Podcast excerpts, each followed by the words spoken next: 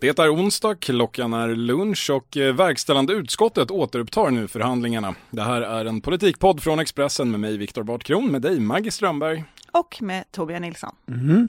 Och idag ska vi bland annat prata om vem som fegade ur i agendadebatten i söndags och om eh, 134 dagar var tillräckligt för att bilda regering eller om regeringsbildningen fortfarande pågår.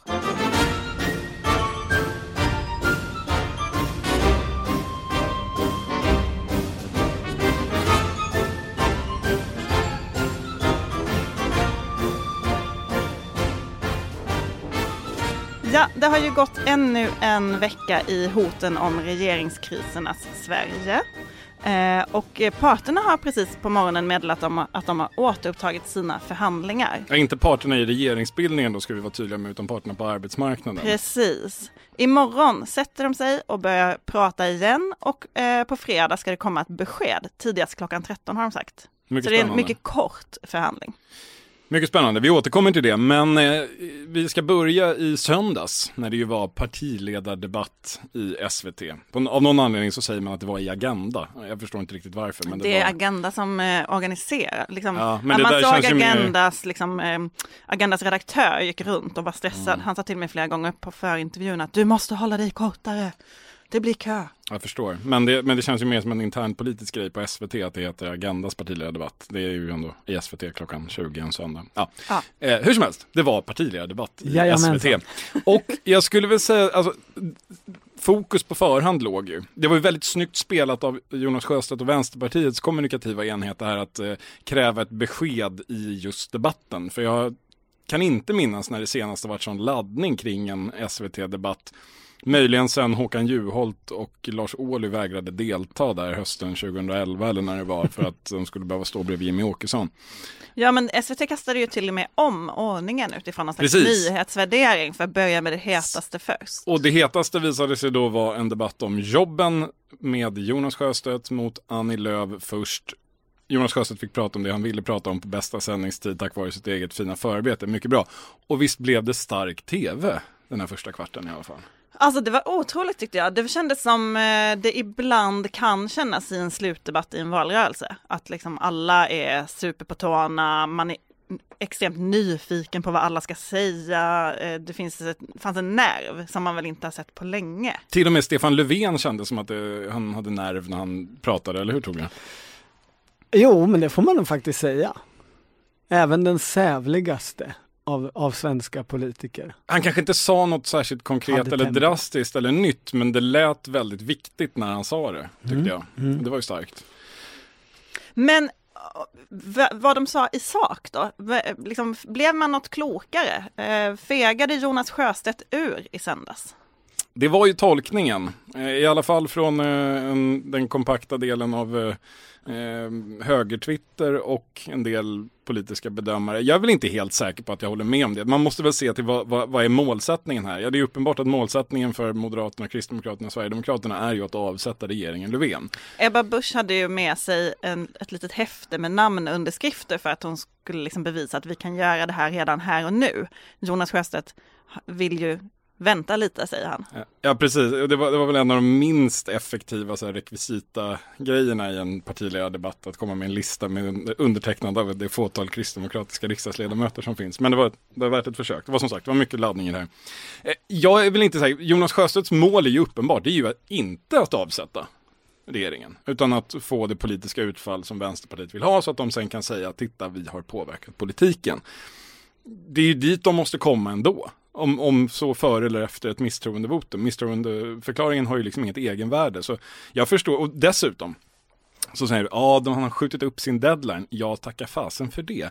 Varenda dag där det här temat dominerar politiken är ju en vinst för Vänsterpartiet. Där de får på liksom bästa sändningstid, som i söndags och dagen efter det, prata om hur viktigt det är med löntagarnas rättigheter på arbetsmarknaden och att det är tråkigt att hela övriga riksdagen är emot. Sen har ju Jonas Sjöstedts deadline hela tiden varit väldigt luddig. Den har ja. varit så här, vi kräver ett svar om en vecka. Efter en vecka säger han, vi kräver svar på söndag. Fast det betyder inte att söndag är deadline, utan vi skulle bara vilja veta på söndag ungefär hur ni tänker. Och det, och och jag skulle ändå vilja säga då som, jag höll på att säga djävulens advokat, det, det tar jag tillbaka. Jag vill inte utmåla något parti som djävulen, inte heller Vänsterpartiet. Men det fungerar ju.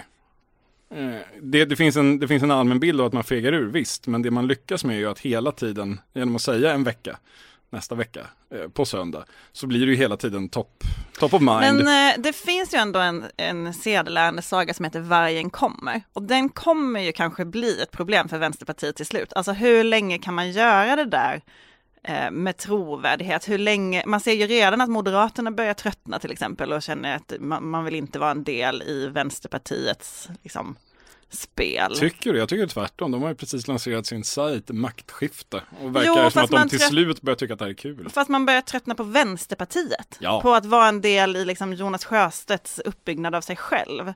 Det är ju liksom, det tycker jag är alldeles uppenbart när man pratar med Ulf Kristersson. Jag, jag stod ju där i tv-huset i söndags och gjorde intervjuer med folk efteråt och eh, de, de andra, alla, alla där tyckte att Jonas Sjöstedt hade fegat ur kan man säga. Fast det var ju inte direkt någon som var eh, förvånad över det. Annie Lööf tyckte att Jonas Sjöstedt mest ville ha uppmärksamhet. Mm. Men var det inte Annie Lööf som fegade ur egentligen då? Hur då? Jo, jag tänkte på det att i läget när Stefan Löfven då får den här hyfsat skarpa frågan, hur ska du göra med utredningen? Ska du avsätta dig själv här och nu? Så säger ju han, och det har han ju sagt tidigare visserligen, men inte i ett så här skarpt läge, att den här utredningen är obalanserad. Den här moderna, som vi pratade om i förra veckan, socialdemokratiska tolkningen av punkten grundläggande balans.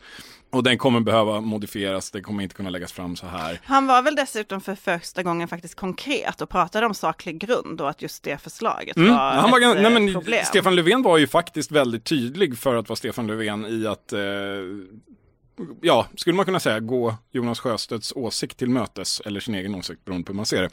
Eh, att säga att den här utredningen ska inte läggas fram och bli lag i sin exakt nuvarande form.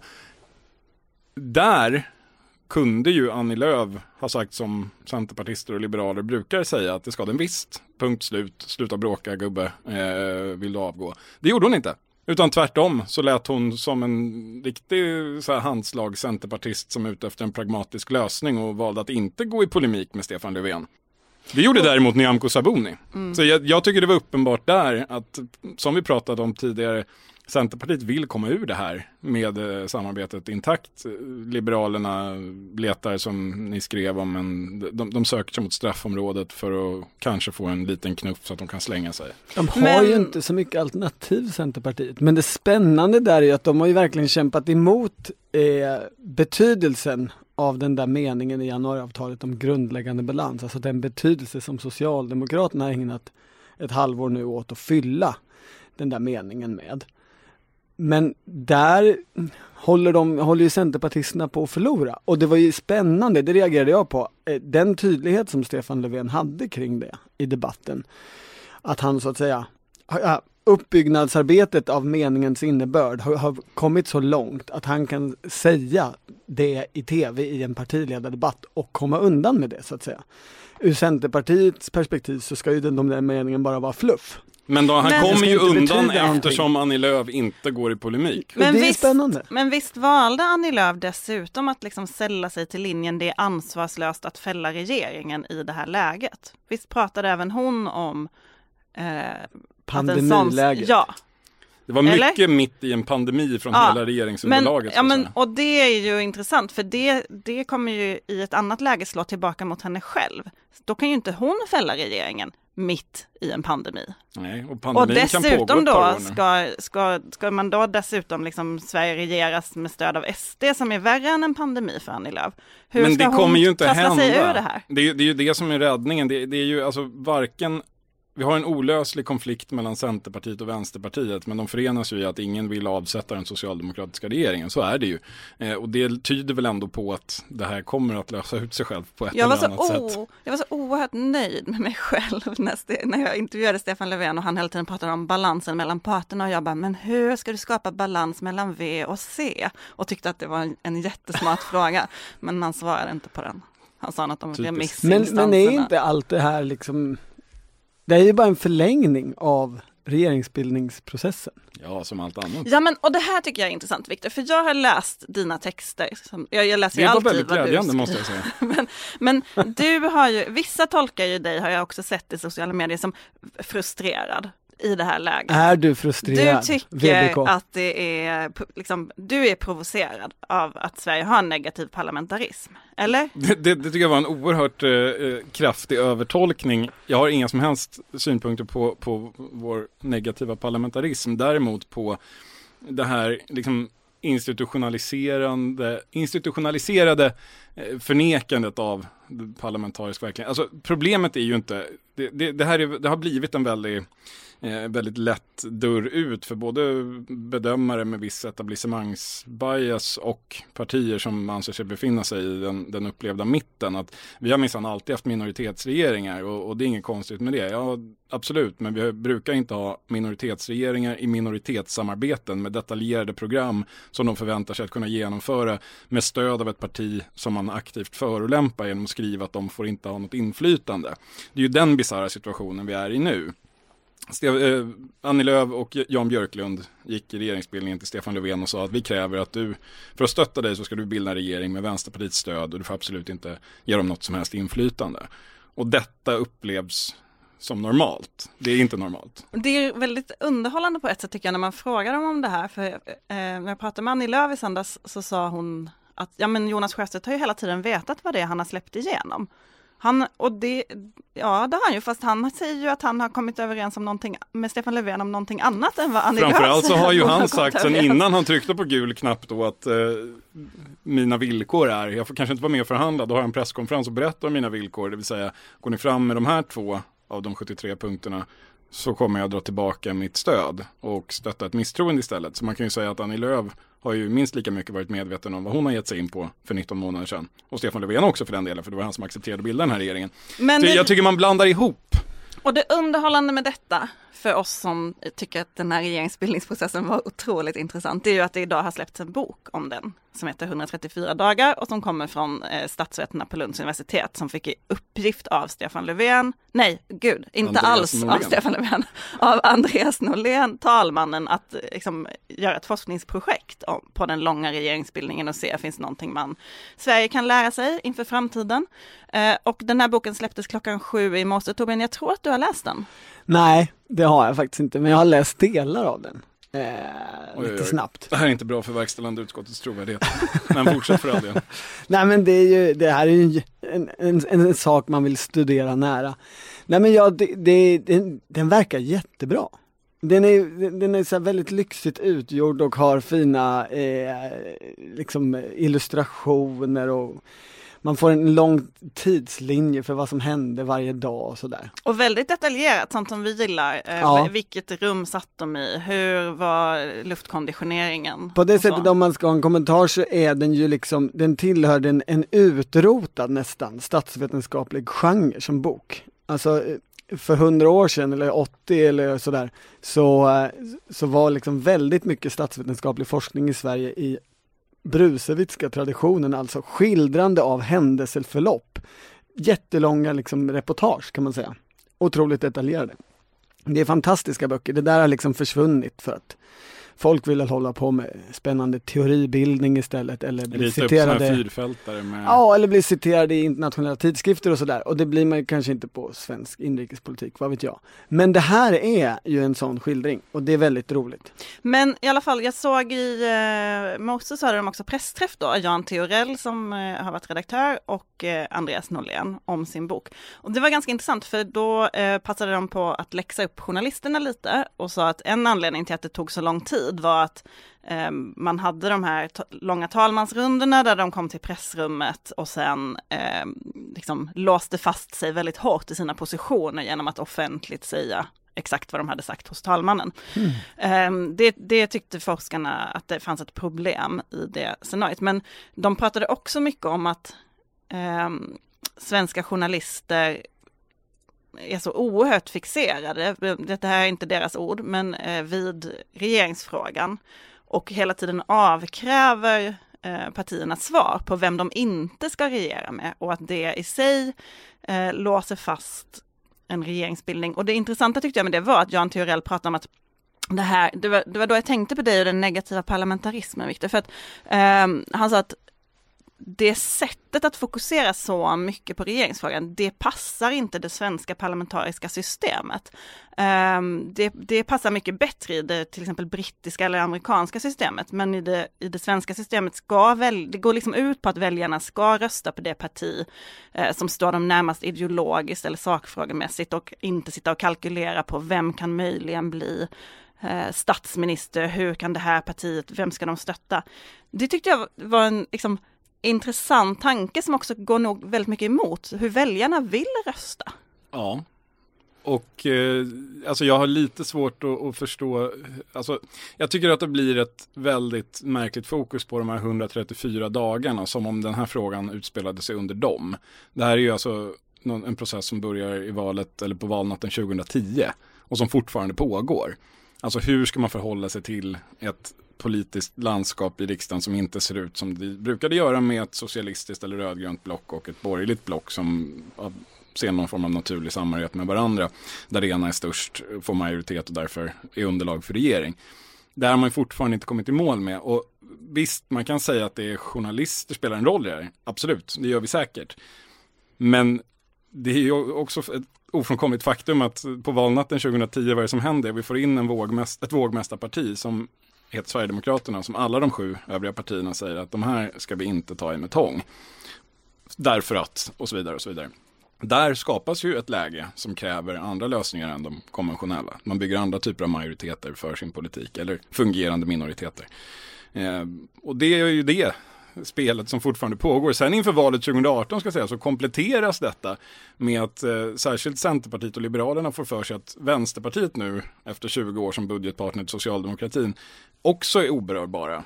Alltså ska man utesluta både eh, ytterligheterna till vänster och till höger. Det visar sig att de får 25 procent i valet. Det blir väldigt, väldigt svårt. Alltså det, det visst, vi kanske fokuserar för mycket på det här, men Samtidigt tycker jag att verkligheten har gett oss rätt i, eftersom de uppenbarligen fortfarande inte kan bilda en fungerande regering. Det ligger ju någonting i den där kritiken kan jag tycka mot journalister men, men jag skulle säga att det är, det är framförallt en, en ovan av alla eh, inblandade aktörer från liksom 2010 och framåt vid den här situationen. Alltså politikerna, journalisterna, eh, ja, allihopa som, som, är, som liksom inte vet hur de ska orientera ett landskap som ja, men mest av allt liknar liksom 20-talet i Sverige där det var regeringsskiften nästan varje, vartannat år. Men det spännande tycker jag som jag hann se när jag läste den här boken var att de adderar en grej där till situationen 2010, nämligen huruvida frågan om alliansen var ett parti eller fyra partier. Och de, de analyserade som att Alliansen var ett parti, att betrakta som ett parti. Fram till eh, liksom splittringen i regeringsbildningsprocessen 2010. 2000 Nej förlåt, 2018, ja. precis. Alltså ni vet den där, den där berömda bilden från SVT när, när eh, Annie Lööf viskar åt Jan Björklunds håll och Ulf Kristersson viskar åt Ebba Busch håll. Och det blir en stor spricka i det här. Och det är ju ett liksom underbevakat dilemma under de här tio åren av regeringsbildningsförsök. Att, att alliansen i sig var en slags hittepå-lösning eh, som på pappret var en koalition mellan fyra partier och från början 2004 liksom, där i, i, i Bankeryd och Högfors var en, en en koalition, men som utvecklades till att vara så lojal i, i, med koalitionen och koalitionsledaren, moderatledaren Fredrik Reinfeldt, att de i praktiken var ett och samma parti. Och det är ju någonting alldeles liksom Oh, det hade aldrig hänt innan i svensk politik Nej, att en koalition blev så stark så att den faktiskt var som ett parti. Det sa också Jan Theorell idag att eh, de har inte kunnat hitta någon motsvarighet till det i något annat land heller, att man är så starkt sammansvetsad och går liksom till val bara på ett gemensamt manifest och Nej, det och finns liksom inte. Tidigare så har man liksom då kunnat säga att så här, men felet eller svårigheten till att man inte kan orientera under de här tio åren hos alla aktörer, att man är så liksom inkörd på blockpolitik. Men Alliansen var ju någonting utöver vanlig blockpolitik. Det var att låsa fast liksom fyra partier till en partiledare. Utan att, alltså de vågade ju inte säga knyst eh, i någonting. Eh, för då kunde Moderaterna bli arga och då kommer allting spricka och då kommer vi framstå som, som liksom hopplösa i regeringsduglighet igen.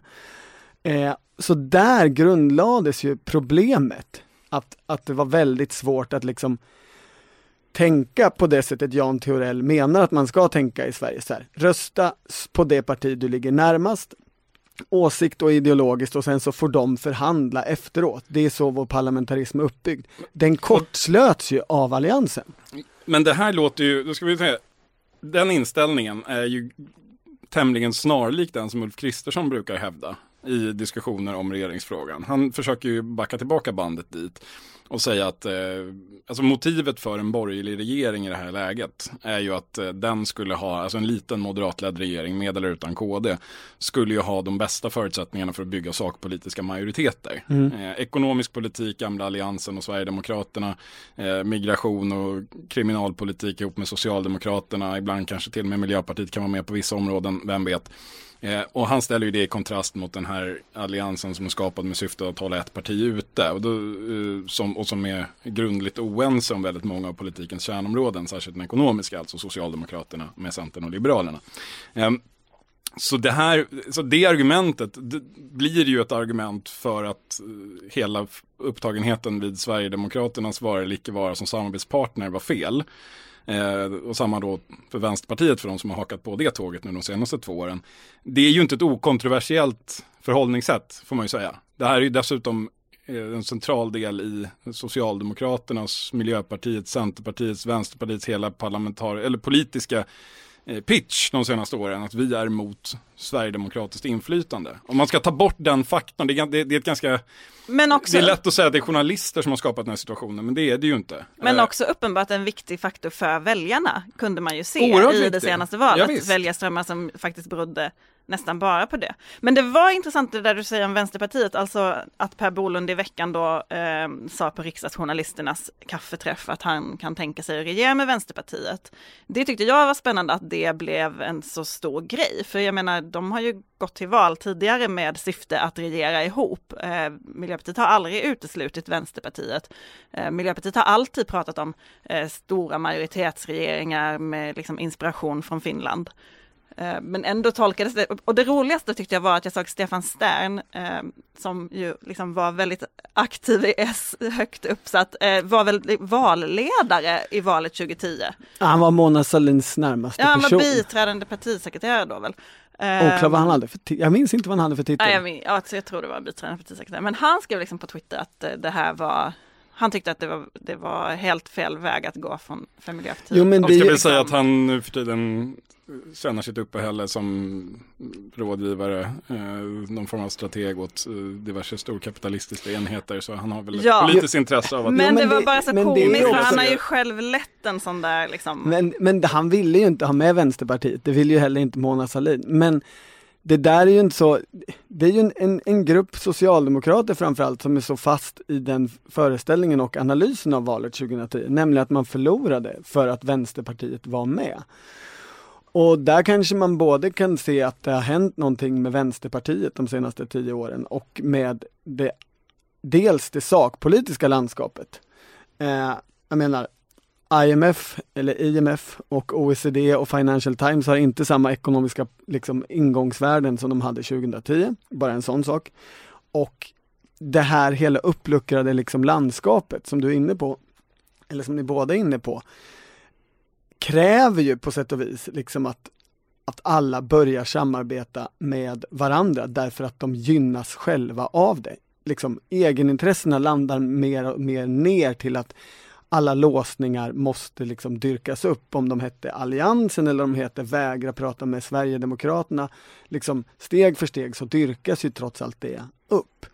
Och då tänker jag eh, att liksom då blir ju också sådana här konstiga grejer som, som den här LAS-frågan ändå är eh, i dagens regeringsunderlag.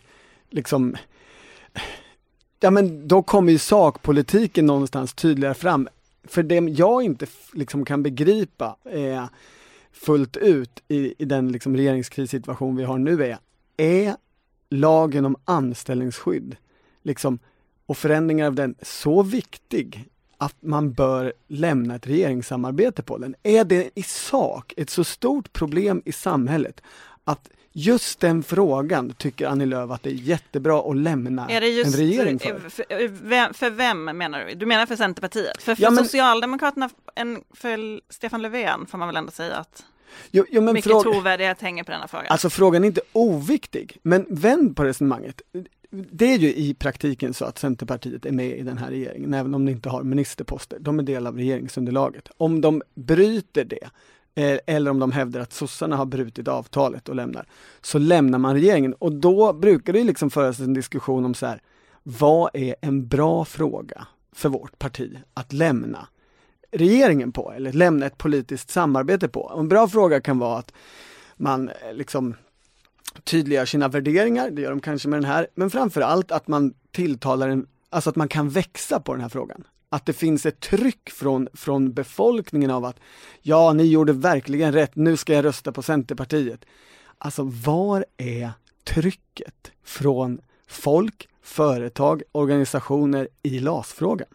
När läste ni, liksom, när såg ni protester? När såg ni demonstrationer? När läste ni upprörda debattartiklar om att landet går under för att, för att LAS eh, regelverket ser ut som det gör?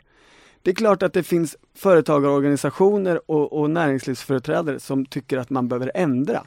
Men det är ju inte jordens tryck. Alltså det... Men ska vi säga, finns det någon fråga som Centerpartiet driver som, där det faktiskt finns ett sånt tryck? Nej men frågar man centerpartister då? då får man svar för de har ju pengar och har mätt jättemycket och jo, och jo, jo, folk tycker som vi och många fler än man tror och de kommer absolut, vi kan absolut vinna på att lämna på den här frågan. Jag tror att de mäter för mycket i det där partiet alltså. De, de, de, de, de har så mycket pengar så de kan leta sig till var de vill ha. Och jag tror de är, jag tror det är fel vald fråga. Eh, men nu kommer den här frågan spelas upp i veckan. Ja, onekligen. På, på fredag kommer vi eh, ju, troligen då veta hur det går. Vad tror ni, vad landar det? Ja, alltså det framstår ju lite märkligt att man skulle plötsligt gemensamt utlysa en ny förhandlingsrunda som ska vara i mindre än ett dygn. Om man inte har en väldigt klar tanke om vad den ska sluta med. Och då ligger det ju nära till hands att tro att man faktiskt har någon form av uppgörelse eller någonting annat eller en nästan uppgörelse som skickar tillbaka någonting. Ja, någonting har man ju pratat ihop sig om under tiden. Det är ju väldigt kul att det bara är ett dygn. Det är liksom bara sista nattmanglingen som ska göras. Ja, eller, någon form av av, avskedsfest eller något. Ja, det kan ju, för det skulle man ju, det är väl den andra tänkbara möjligheten då, att man gör det här för att visa att eh, liksom, det kommer inte bli något. Det kommer, liksom, nu får ni sluta prata om parterna, för vi kommer inte lösa ut det här. Vad säger du Torbjörn? Jag har ju haft mycket fel i mina tankar om det här och vad som ska komma att hända. Men så jag testar en helt annan väg. Alltså i, i partiledardebatten så eh, och efteråt så, så, menar ju liksom vänsterpartister att eftersom man nu har en, en, en liksom tänkbar majoritet eh, mot det här så har liksom hotet om lagstiftning fallit. Det, det går inte att lägga fram den här eh, utredningen som lag utan att regeringen eh, måste avgå. Och därmed menar man att det är nya förutsättningar för parterna, alltså vänstern har ju hela tiden och socialdemokratin har ju hela tiden menat att förhandlingen mellan parterna var riggad till, till arbetsgivarnas fördel. Jag tänker att en annan utväg än ett klart ja och nej besked nu den här veckan skulle ju vara att parterna har enats om hur de vill att förutsättningarna för förhandlingarna ska vara.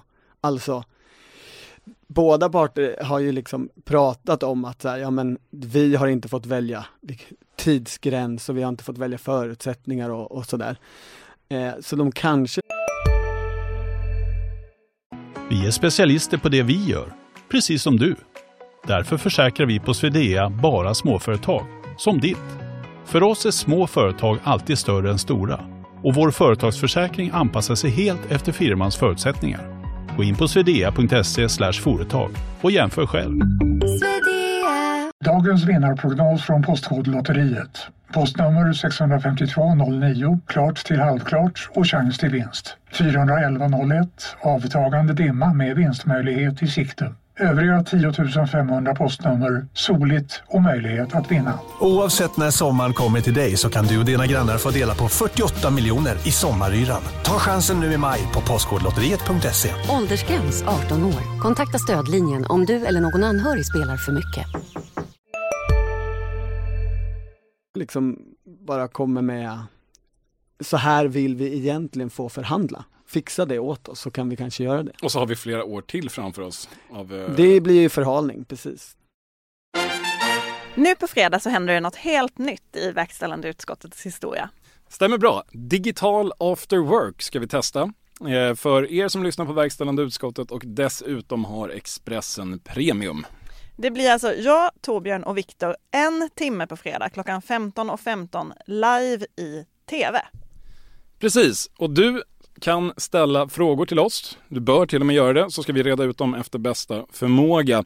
Eh, du kan göra det direkt under sändningen eller något före. Håll koll på Expressen.se på fredag för all information och länkar till det här. Och för att kunna vara med på fredag på vår after work så måste man vara medlem i inre kretsen. Precis, och det kallar vi alltså vårt specialerbjudande för er VU-lyssnare när det gäller att eh, få tillgång till Expressen Premium. Expressen.se Expressen Politik. Där hittar du erbjudandet. 29 kronor i månaden i sex månader, därefter 69 kronor i månaden. Det är ju inte heller särskilt mycket. Och du får inte bara gå på digital after work med oss. Du får dessutom tillgång till all Expressens politikjournalistik och en hel del annat också ska sägas. Så Expressen.se Expressen politik och så ses vi i TV på fredag. En intressant sak med partiledardebatten var ju att inget av de fyra ämnena var corona. Eh, Äldrevården och jobben fanns ju med så det var ju mer indirekt men i våras så var det ju två timmar som bara var corona. Mm. Eh, Men pandemin är ju inte över Nej, som Lena Hallengren brukar säga. tvätta händerna. Ehm, och jag, i veckan så publicerade ju DN Kultur en väldigt uppmärksammad text av Saremba, läste ni den? Ja. Absolut.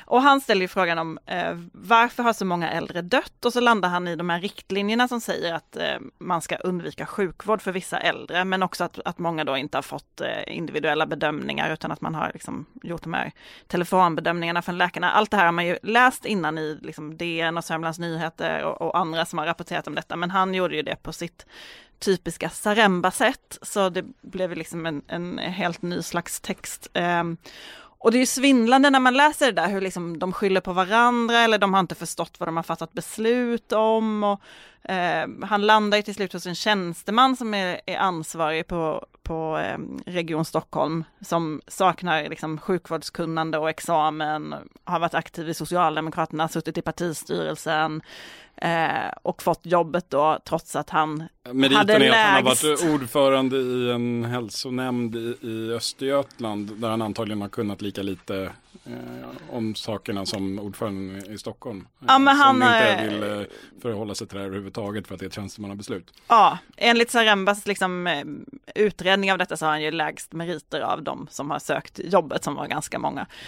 Men liksom han landar väl ner i så här, det är svårt att utkräva ansvar här. Hur ska den här coronakommissionen kunna göra det i det här liksom konstiga mellanrummet mellan politik och opolitiska tjänstemän som har varit politiker? Och, ja, men en fråga han landar, landar i är ju eh, varför finns de här landstingen? Eh, vad, vad ska vi ha landsting till? Finns de mest för att eh, ge jobb åt eh, policyprofessionella och, och gamla politiker? Så min fråga är, tror ni att landstingen kommer överleva corona? På ett sätt har ju landstingen redan dött eftersom de döpte om sig till regioner. Men jag, jag vill, säga, jag vill säga att jag står bakom att vi använder begreppet landsting här i, verkställande utskottet. För regioner är, är, är ju fluffbegrepp som betyder något helt annat egentligen. Det är väldigt fult när man skriver. Alltså landsting är ju också ett väldigt tråkigt ord, men Ja fast det är fint, det, det finns en tradition här. Eh, Precis som jag förespråkar att vi säger Folkpartiet om vi pratar om Folkpartiet och, och liberaler om vi pratar om folk med liberal hållning. Ehm, ja, alltså det är ju en, det som talar för att regionerna eh, skulle överleva den här pandemin är väl att det är ett eh, härke till projekt att avskaffa dem. Men eh, det är väl i praktiken det enda. Jag vet inte, det, det finns ju ett politiskt tryck sedan tidigare. Kristdemokraterna har ju tjatat om det här ganska länge. Det känns som att det blir mer och mer luft under vingarna för den frågan om att det var väl redan 2014 när Göran Hägglund hängde på riksdagsspärren och satsade allt, vilket väldigt, det var väldigt hedrande för Kristdemokraterna att de vågade i ett utsatt läge bara gå all in på frågan avskaffa landstingen, när det var väldigt få som pratade om det. Och alla bara, landsting det låter så tråkigt, låt oss avskaffa dem. Ja men det blev ändå något som, det var så väldigt antipopulistiskt. Han fick 4,6 procent också, så det funkade ju i någon mening. Eh, jag vet inte, Torbjörn vad tror du? Jag, alltså, jag, jag känner det finns någon form av tryckuppbyggnad i det här. Ja, och den kommer ju från regeringskansliet. Ja, nu för Upplever jag. Alltså den, den så att säga coronarelaterade. För, för är det någonting som tjänstemän och politiker i regeringen har sagt under den här eh, pandemin så är det ju, alltså vårt förvaltningssystem fungerar inte.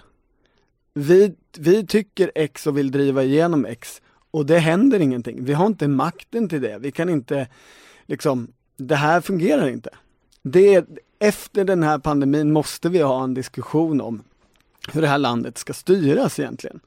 Och det kan ju man ju säga en liksom första klassens liksom bortförklaring eh, av regeringstjänstemän. Men jag tror att, att med den intensitet de har drivit där så liksom har det varit genuin känsla och insikt av att oj, det funkar ju inte riktigt som vi har tänkt oss det här. Men det som är intressant med det, jag håller verkligen med om det, så har det ju verkligen varit, när vi gjorde den där stora utredningen om testerna i våras, då var det ju precis samma sak, att liksom alla nivåer skyllde på varandra, man kunde inte reda ut vem som var ansvarig, saker tog för lång tid mm. för att man ville inte samma sak och man ville inte hjälpa varandra. Men all, i princip alla utredningar som har gjorts av Sveriges olika kriser har ju kommit fram till precis detta. Att liksom det svenska systemet är superkrångligt, ansvarsprincipen och decentraliseringen gör att man liksom, ja, den ena handen vet inte vad den andra gör och sen blir det svårt att utkräva ansvar i efterhand. Eh, det finns liksom så himla många som är ansvariga på så många nivåer att det, ja, de skyller på varandra i många fall. Ja men och sen är ju det som talar mot det, det är ju att, att eh, liksom Dels att det har redan försökt och gjorts förändringar, den här regionförändringen. Så det, då kan man liksom komma bort från att säga, men vi har ju hållit på fixat med det där, låt det, låt det prövas ordentligt nu. Men det som framförallt talar emot är att man öppnar liksom den stora Pandoras ask med Okej, okay, vi, vi ska ta bort landstingen, vad händer då med kommunerna? Och då hamnar man liksom in i den diskussion som Göran Persson försökte dra igång på slutet av, av hans liksom eh, aktiva politikertid. Med, vi har ju kommuner där det inte finns skattekraft, så då måste vi slå ihop, liksom, göra kommuner till storkommuner. Eh, så att det liksom finns skattebäring, eh, så att det i, i alla, överallt i Sverige. Och det där tänker ju rätt många. Men, men det finns ju också starka liksom motröster och tittar man på, ja vi kommer ju från liksom regeringsbildningsfrågan. Så här, här decentraliseringsivrarna sitter ju tillsammans med centraliseringsivrarna i det här regeringsunderlaget. Då pratar du om Miljöpartiet och Centern och ja, sidan och, precis. och Socialdemokraterna. Du, du, du kommer ju aldrig komma runt eh, Centerpartiet i de här frågorna. Det, det, slutar, det slutar alltid med Centerpartiet som sitter och eh, har en annan syn på hur liksom demokrati och närdemokrati är, bör fungera. De har ju fått ett regemente i Sollefteå nu. Emil Källström är säkert jätteglad. Emil Källström verkar jätteglad.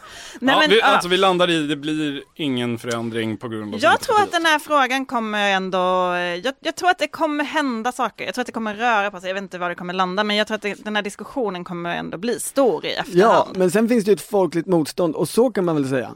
Alltså det här borde nog eh, vara en bättre fråga att lämna ett regeringssamarbete på. En strid om att vi ska få behålla vår makt här nere lokalt för Centerpartiet. Än den här lagen om anställningsskydd. Verkställande utskottets sammanträde har nått punkten övriga frågor och där har vi idag comeback efter en veckas hårt kritiserat uppehåll för punkten Nytt från Torbjörn Nilssons bibliotek. Vad har du läst den här veckan Torbjörn? Ja, rapporten den här veckan handlar om Erik Bengtssons bok Världens jämlikaste land. Det är några veckor sedan den kom, eh, men den, den för en diskussion som jag tror är relevant eh, för den här veckan och framtiden.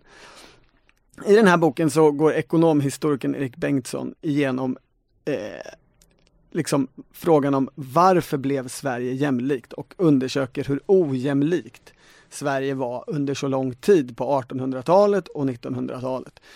Eh, och han målar upp en bild som är rätt annorlunda mot tidigare historiker av eh, liksom hur mycket konservativare eh, Sverige var än man tror och hur mycket mer ojämlikt och, och hur st stora liksom inkomstskillnader eh, var och klyftorna var. Och sen så eh, förklarar han att Sverige blev ett jämlikt land tack vare liksom folkrörelser och socialdemokratisk politik egentligen. Det är en, det är en, det är en ganska vänsterlutande bok. Anledningen till att den är intressant, tänker jag, är att den är liksom en omskrivning av historien. I, i, i boken så går han framförallt i polemik med ni vet eh, Lars Trägårds och eh, Henrik Berggrens bok Är svensken människa? Den som liksom styrde, kändes det som, det svenska samtalet i tio år. Ja. Alltså allt folk sa handlade om den boken. Verkligen. Eh, men egentligen så, så, tycker jag att, han, att det finns en annan konflikt eh, om historieskrivning som strider mot liksom en annan del av eh, liksom, det långa 1990-talet. För i början av 1990-talet så kom det två böcker om en och samma sak. Den ena var skriven av Pertti Olsson, den andra av eh, Cecilia Stegekolog. Och de, eh, de skrev båda 1994 böcker om Johan August Gripenstedt som var finansminister i Sverige på 1860-talet ungefär. De böckerna förklarade hela Sveriges välstånd med, och jämlikhet för den delen, med att Eh, det hade gjorts enorma liberaliseringar ekonomiskt och på andra sätt under 1860 och 70-talet. Eh, och de skapade förutsättningar för företag och tillväxt eh, och sen kunde Socialdemokraterna komma och liksom fördela den här tillväxten. Och egentligen så, så upplever jag i alla fall, Erik, läser jag Erik Bengtssons bok som en, som en uppgörelse med den här bilden av att Sverige blev ett modernt land tack vare Johan August Gripenstedt. Och den där Gripenstedt-bilden blev liksom väldigt dominerande under det långa 1990-talet. Båda de här böckerna gavs, tror jag, ut av Timbro först, eller i någon återutgivning. Det var liksom en, en liksom högersosse eh, och borgerlig bild och den gör liksom Erik Bengtsson upp med. Och du sa att den var väldigt relevant den här veckan. Ja, kanske, okej, okay, det var väl en överdrift, men den här veckan och den här veckan. Men jag tror, jag lyssnade också på eh, lördagsintervjun eh, nyligen när eh, Nooshi Dadgostar var där, alltså den blivande vänsterpartiledaren. Och, och, hon har ju en poäng, eller de har en poäng i Vänsterpartiet av att nu ska de bli trovärdiga i ekonomisk politik. Och när hon fick frågor på det så var eh, hennes liksom ingång att vi i Vänsterpartiet har pratat mycket om hur eh, tillväxten ska fördelas. Men vi måste prata om hur tillväxten ska komma till. Det lät ju exakt som alla de här borgerliga och högersocialdemokraterna på 1990-talet. Alltså, nu får vi sluta prata om att Tage Erlander och Per Albin fördelade massa tillväxt. Nu måste vi börja ta reda på var kom all den där tillväxten ifrån? Jo, Johan August Gripenstedt. Och var ska tillväxten nu komma ifrån? Vi måste ha bättre företagsklimat och så vidare. Just det. Medan Nooshi Dadgostars svar är eh, snarare att staten ska gå in tyngre och driva fram innovationer, driva fram nya företag. I hennes historieskrivning så är, har ju mycket av de svenska företagssuccéerna byggt på att staten har varit en väldigt stark beställare. Exakt.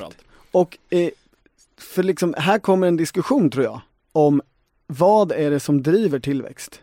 Eh, där liksom den åt renässansen som har funnits i massa andra frågor för den starka staten kommer spelas in i liksom den frågan eh, från vänster. Nooshi därför har, tror jag det är relevant den här veckan. Nooshi Dadgostar har läst Världens jämlikaste land och bygger hela sin liksom Eh, poli, det, liksom. det, vet jag inte. Nej, men det låter ju så. Eller? Ja, men vi kan väl landa i så här, det är intressanta idéer, eh, men Centerpartiet.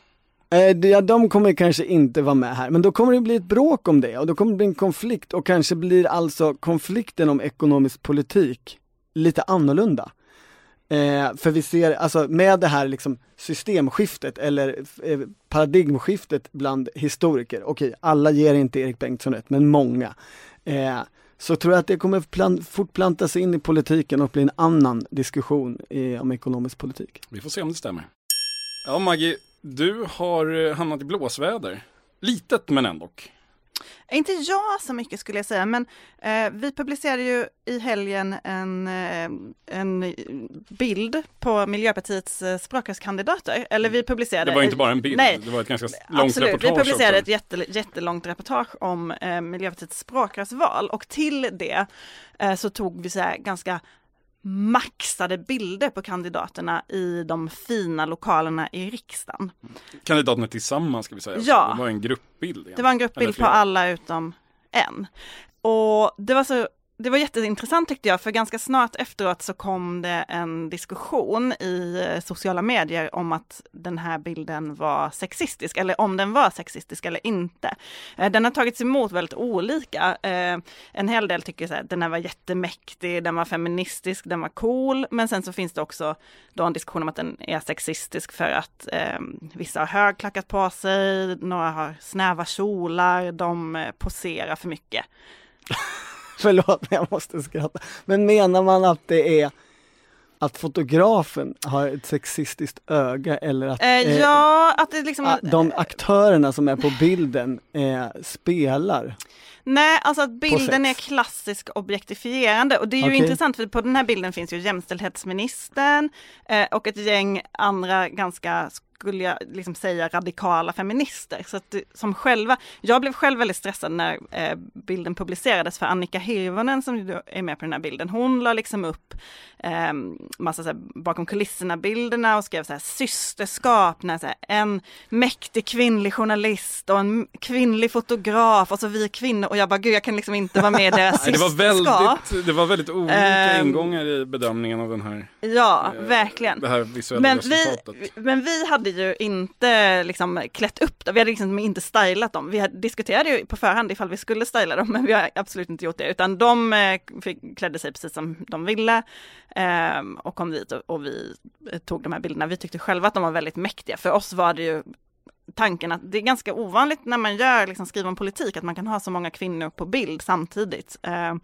och vi har ju kvinnor som en liksom, prioriterad målgrupp på Expressen. Så det var egentligen det som var grunden till att vi la, gjorde det här. Och sen så tänkte jag hela tiden på Yvonne Åsells gamla bild i Svenska Dagbladet eh, inför valet 2010. Minns ni den? När alla partiledarna sitter liksom uppställda också i riksdagen i ett sånt där fint rum med gamla tavlor. Och det är liksom Reinfeldt och Alliansen och så Mona och de rödgröna. Eh, och gud, nu kommer jag få sexistkritik för att jag sa Reinfeldt och Mona. Det var Salin och Fredrik Ja. som eh, var på bild. Och den, den bilden blev ju också superomdiskuterad för det var där Mona Salin hade den röda väskan. Kommer ni ihåg? Absolut, väskdebatten. Den- Väskdebatten. Sven, svensk politiks debatt, riktiga höjdpunkt intellektuellt. Och den var, det gick ju till så att eh, fotografen bara, oj den här bilden är lite tråkig, det behövs lite färg och så bad eh, eh, Salin ställa fram sin väska och sen blev det liksom jättedebatt om att hon hade en lyxväska och inte förstod arbetarklassen. Och även då kom det en diskussion om eh, sexism eller inte eftersom ingen frågade om vad Fredrik Reinfeldts klocka kostade utan det var bara den här, ja, den allmänna känslan av att kan man vara kvinna och göra någonting rätt någon gång? Sällan i politik. Men jag tror i alla fall att vi kanske har avgjort Miljöpartiets språkrörsval med den här bilden. Jaha, Eh, det insåg jag först då när den här diskussionen började, för att eh, det var absolut inte vår tanke, men ehm, nu är det, pågår ju då långa Facebook-diskussioner ifall de är rätt klädda eller inte. Och Alltså man bland ha... miljöpartister. Ja, bland, eh, ja, bland miljöpartister. Eh, det är en som recenserar Märta Stenevis klädsel så här. Hon har bekväma skor som inte skaver och som man kan gå långt i. Ledig klädsel som passar vid alla tillfällen, inte för varmt eller kallt. Och funkar även för en kortare tur utomhus om det skulle behövas. Håret utfällt men med en hårsnodd om handleden om det skulle behövas. Praktisk axelremsväska för allt småplock man behöver ha med sig. Och landar i att det här är en perfekt outfit för någon som vill liksom då driva den gröna rörelsen. Eh, Det är så man ska se ut, så att säga. så du är tillbaka i att Stenevi är favorit? Ja, det var nu- just den här personen, men det jag insåg, det jag mindes som jag hade glömt bort, Eh, var att när Mikaela Valtersson och Åsa Romson eh, stred om att bli språkrör, då var det också väldigt mycket diskussion om kläder.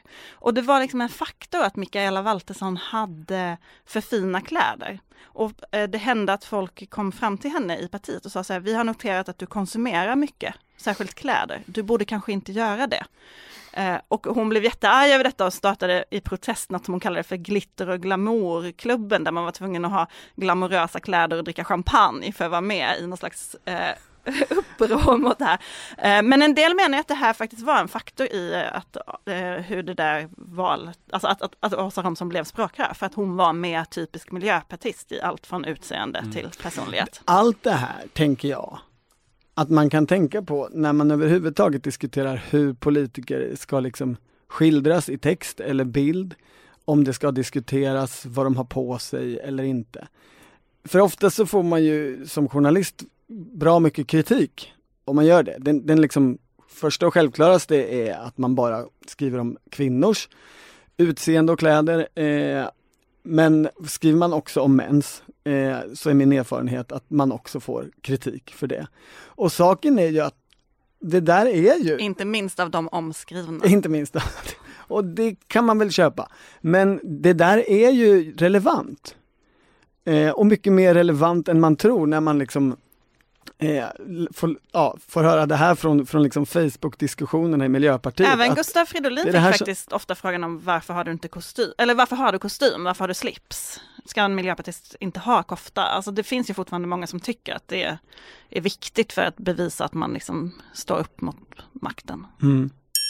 Ja, Sveriges coronastrategi kanske ännu inte har blivit den stora politiska stridsfrågan. Däremot så föder den en massa sidodiskussioner som har med politik och politiker att göra. Jag tänker på förra veckans utveckling framför allt. Dels hade vi det här eh, ögonblicket när eh, högskoleminister Matilda Ernkrans håller en eh, presskonferens och håller en nästan churchilliansk uppläxning av Sveriges studenter att de ska minsann sluta festa och smitta varandra och det är oerhört viktigt. Och Sveriges studenters samlade reaktion var naturligtvis oj, vem är hon? Ehm, men nu vet de det kanske. Ehm, det var ju dessutom så att ett par politiker hamnade i blåsväder. Vi hann prata lite grann om Ebba Buschs festande förra veckan. Säpo-bil. Eh, hotshots med Margot och sådär. Eh, det saknade inte vissa underhållande inslag. Eh, det blev värre ska vi säga när det kom fram att, eh, för då var ju, var ju Kristdemokraternas moteld var att vi följde minsann Folkhälsomyndighetens rekommendationer. Det var en middag på en restaurang, man satt med 14 meters mellanrum och typ eh, åt i rymddräkt eller någonting. Eh, sen kom det bilder dagen efter där inte bara Ebba Busch utan även Kristdemokraternas vårdansvariga landstingsråd i Stockholm, eller regionråd, förlåt, Ella Bolin var på hemmafest. Eh, odiskutabelt och båda har fått pudla. Och man såg detta. att de satt ganska trångt ja. och de dansade. Och, eh, de och som om inte det var nog så blev, eh, vi sa redan förra veckan att den svenska coronakritiken var död i och med att Kristdemokraterna som har varit oerhört kritiska mot lössläppta rekommendationer eh, avslöjades med att ha varit på krogen. När Jimmy Åkesson som pratade i juni om en massaker på svenska folket visade sig ha varit på en ganska trång 50-årsfest och stått med armen runt folk. Och sen på någon bar också va? Eller var 50-årsfesten på, jag tror det var två olika olika tillfällen. Kanske. Ja. Jag ska inte säga säkert, men det såg i alla fall inte riktigt ut som, som eh, Johan Carlsson tycker att man ska leva fram sina dagar. Eh, då var plötsligt perspektivet att man måste väl för fan få ett liv, dumma jävla media. Ja men eh, jag, jag pratade med dem båda om detta. Jag hade en så himla bra kväll i söndags där utanför Agenda för jag fick prata så mycket med partiledarna. Eh, och eh, då ställde jag fråga om detta på vägen in, om de trodde att det skulle påverka deras möjligheter att eh, kritisera regeringens coronastrategi och coronahantering. Eh, och det var så roligt för de var faktiskt oerhört olika i sina svar, där Jimmy Åkesson liksom tittade på mig bara eh, oerhört frågande över att jag liksom ens ställde denna fråga och sen sa att men vadå, jag har ju inte velat stänga några restauranger. Man får ju gå på restaurang. Alltså han tyckte liksom att han förstod inte överhuvudtaget eh, varför jag frågade eh, och kändes relativt oförberedd på frågan medan eh, Ebba Busch hade en otroligt tydlig, eh, detaljerad talepunkt som handlade om att eh, ja, men jag tror att många svenskar kan känna igen sig i det här att man gör allt man kan för att leva upp till restriktionerna. Men, men ibland är, är det väldigt svårt och så hamnar man i situationer där man inser att nej, men nu är det nog inte så att jag följer restriktionerna och då försöker man förhålla sig till det och var liksom försökte både så knyta an till andra människor. Ja, hon var otroligt liksom genomtänkt. Mm. Vem tror du har rätt då? Eh, jag tror att de talar till olika grupper och kanske båda liksom eh, eh, ändå levererar det de behövde Eh, leverera i stunden. Men jag tror att många politiker kommer kanske akta sig för att gå på fest från och med nu det känns som att det finns en och annan som kanske sitter och svettas lite över, var det någon som fotade den här middagen? Ehm, men det, man skulle ju kunna, om man vill dra riktigt långt på det här, se det som en normalisering av eh, det svenska politiska coronalandskapet. Eh, I det att vi var lite ovanliga som hade en en, en höger, en, liksom, vissa skulle säga den populistiska delen av högern som var för strängare rekommendationer eller, eller åtgärder i andra länder har det varit tvärtom. Att det har varit eh, sett som en höger ytterposition att vilja prioritera ekonomi före människoliv och, och hålla det öppet. Eh, så ser det ut i England till exempel. Så har det varit i USA. Det har varit den trumpianska hållningen. Så den eh, svenska eh, nya coronaskalan kommer? Det kan, men kanske, alltså, om, om, det, det, känns ju som att eh, varken KD eller SD har ju särskilt mycket att förlora längre kan jag känna. Det, det, de kommer aldrig få någon liv i en kritik som går ut på att man har tagit i för lite. För det kommer de bara få i huvudet efter det här. Då kan man väl lika gärna bli de som kräver 5000 åskådare på konserter och få lite kärlek därifrån istället. Jag vet inte. Det känns som att du bara längtar efter att någon ska komma och göra det. Ja, det vore en intressant diskussion. Alltså nu har ju det här mötet pågått i, i en evighet och, och, jag har egentligen vill tillföra till den här coronadiskussionen eh, ett inlägg om eh, en reflektion. Hotshotens historia och eh, hotshotens betydelse för den svenska ekonomiska 90-talskrisen. Har detta något att göra med att du fick kritik efter förra veckans avsnitt för att eh, vara för hånfull mot hotshots? Ja, jag, jag vill säga att hotshoten är en viktig drink, särskilt politiskt. Eh, men jag föreslår att vi ajournerar den punkten och kanske Nej. kan ta upp den nästa Har du sagt A får du väl säga B? Ja men alltså. Det är en vecka till nästa sammanträde. Till att börja med, detta att hotshoten är ju en svensk uppfinning. En svensk exportprodukt. Uppfunnen är eh, av, av en svensk drinkmakare 1988. I en tävling? I en tävling som, eh, jag tror Löfbergs Lila startade. Den vann inte tävlingen för det gjorde en drink som hade färgen lila. Om ni fattar. Eh, det är klart att den vann, det var ju liksom självklart. Men 90-talskrisen, den svenska, eh, liksom uppbyggd av eh, avregleringar, eh, liksom accelererande, investerande eh, börsnissar och bolag och skalbolag och allt som liksom byggde på varandra i trappsteg det ackompanjerades ju av ett liksom öppnare samhälle. Ni vet, liksom på 70-talet var det inte enkelt att gå på krog i Sverige för att dricka sig full. Eller ha roligt utan att dricka sig full. Eh, det där blev ju uppluckrat under 80-talet. Och hela den här liksom finanskrisbubblan eh, och 90-talskrisgrejen skedde ju parallellt med liksom Café Opera att alla stod inne på Café Opera, alla politiker, alla kändisar, alla andra och drack hotshots. Så utan hotshoten hade liksom 90-talskrisen inte varit vad 90-talskrisen blev. Så, eh, vill... Men vad betyder det då att hotshoten har blivit så trendig igen? Det är väl i sig kanske de senaste 15 åren, eller? Nej, nej när blev nej, trendig igen? Det, det, det har, jag försökte researcha det. Alltså, för, jag minns för jag tänkte typ då att nu är 90-talskrisen uh, tillbaka strax. Way Out West 2007 typ var den stor. Att, att min research tyder på, på senare, alltså uh. så här 2014, ja, men 15. Jag, men uh, jag hänger ju med med samma som lite Du är, early. du är före, uh. precis, du är cool. Ja. Jag vet inte vad det betyder, men, men eh, jag ville bara säga att det finns en, en betydelsefull politisk sida av hotshoten, nämligen 90-talskrisen. Glöm aldrig den, kamrater. Det får bli slutordet. Verkställande utskottets sammanträde är slut för idag, men vi ses ju snart igen. Precis. Inte bara nästa onsdag utan dessförinnan alltså nu på fredag klockan kvart över tre, 15 och 15 i Expressen TV där vi har digital after work. Och så får vi se om vi har en regeringskris då eller om parterna har kommit överens eller ja, var vi befinner oss då. Oavsett vilket så kommer det finnas mycket att prata om. Bli Expressen Premium-medlem i god tid före fredag om du inte redan är det. Kvart över tre ses vi i Expressen TV och i poddform nästa onsdag. Tack för idag. Hej!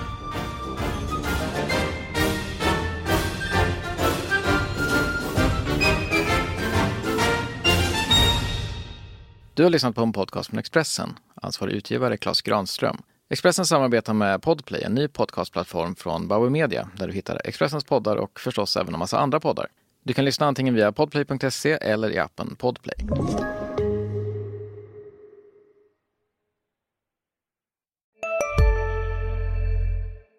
Hej, Synoptik här. Visste du att solens UV-strålar kan vara skadliga och åldra dina ögon i förtid? Kom in till oss så hjälper vi dig att hitta rätt solglasögon som skyddar dina ögon. Välkommen till Synoptik.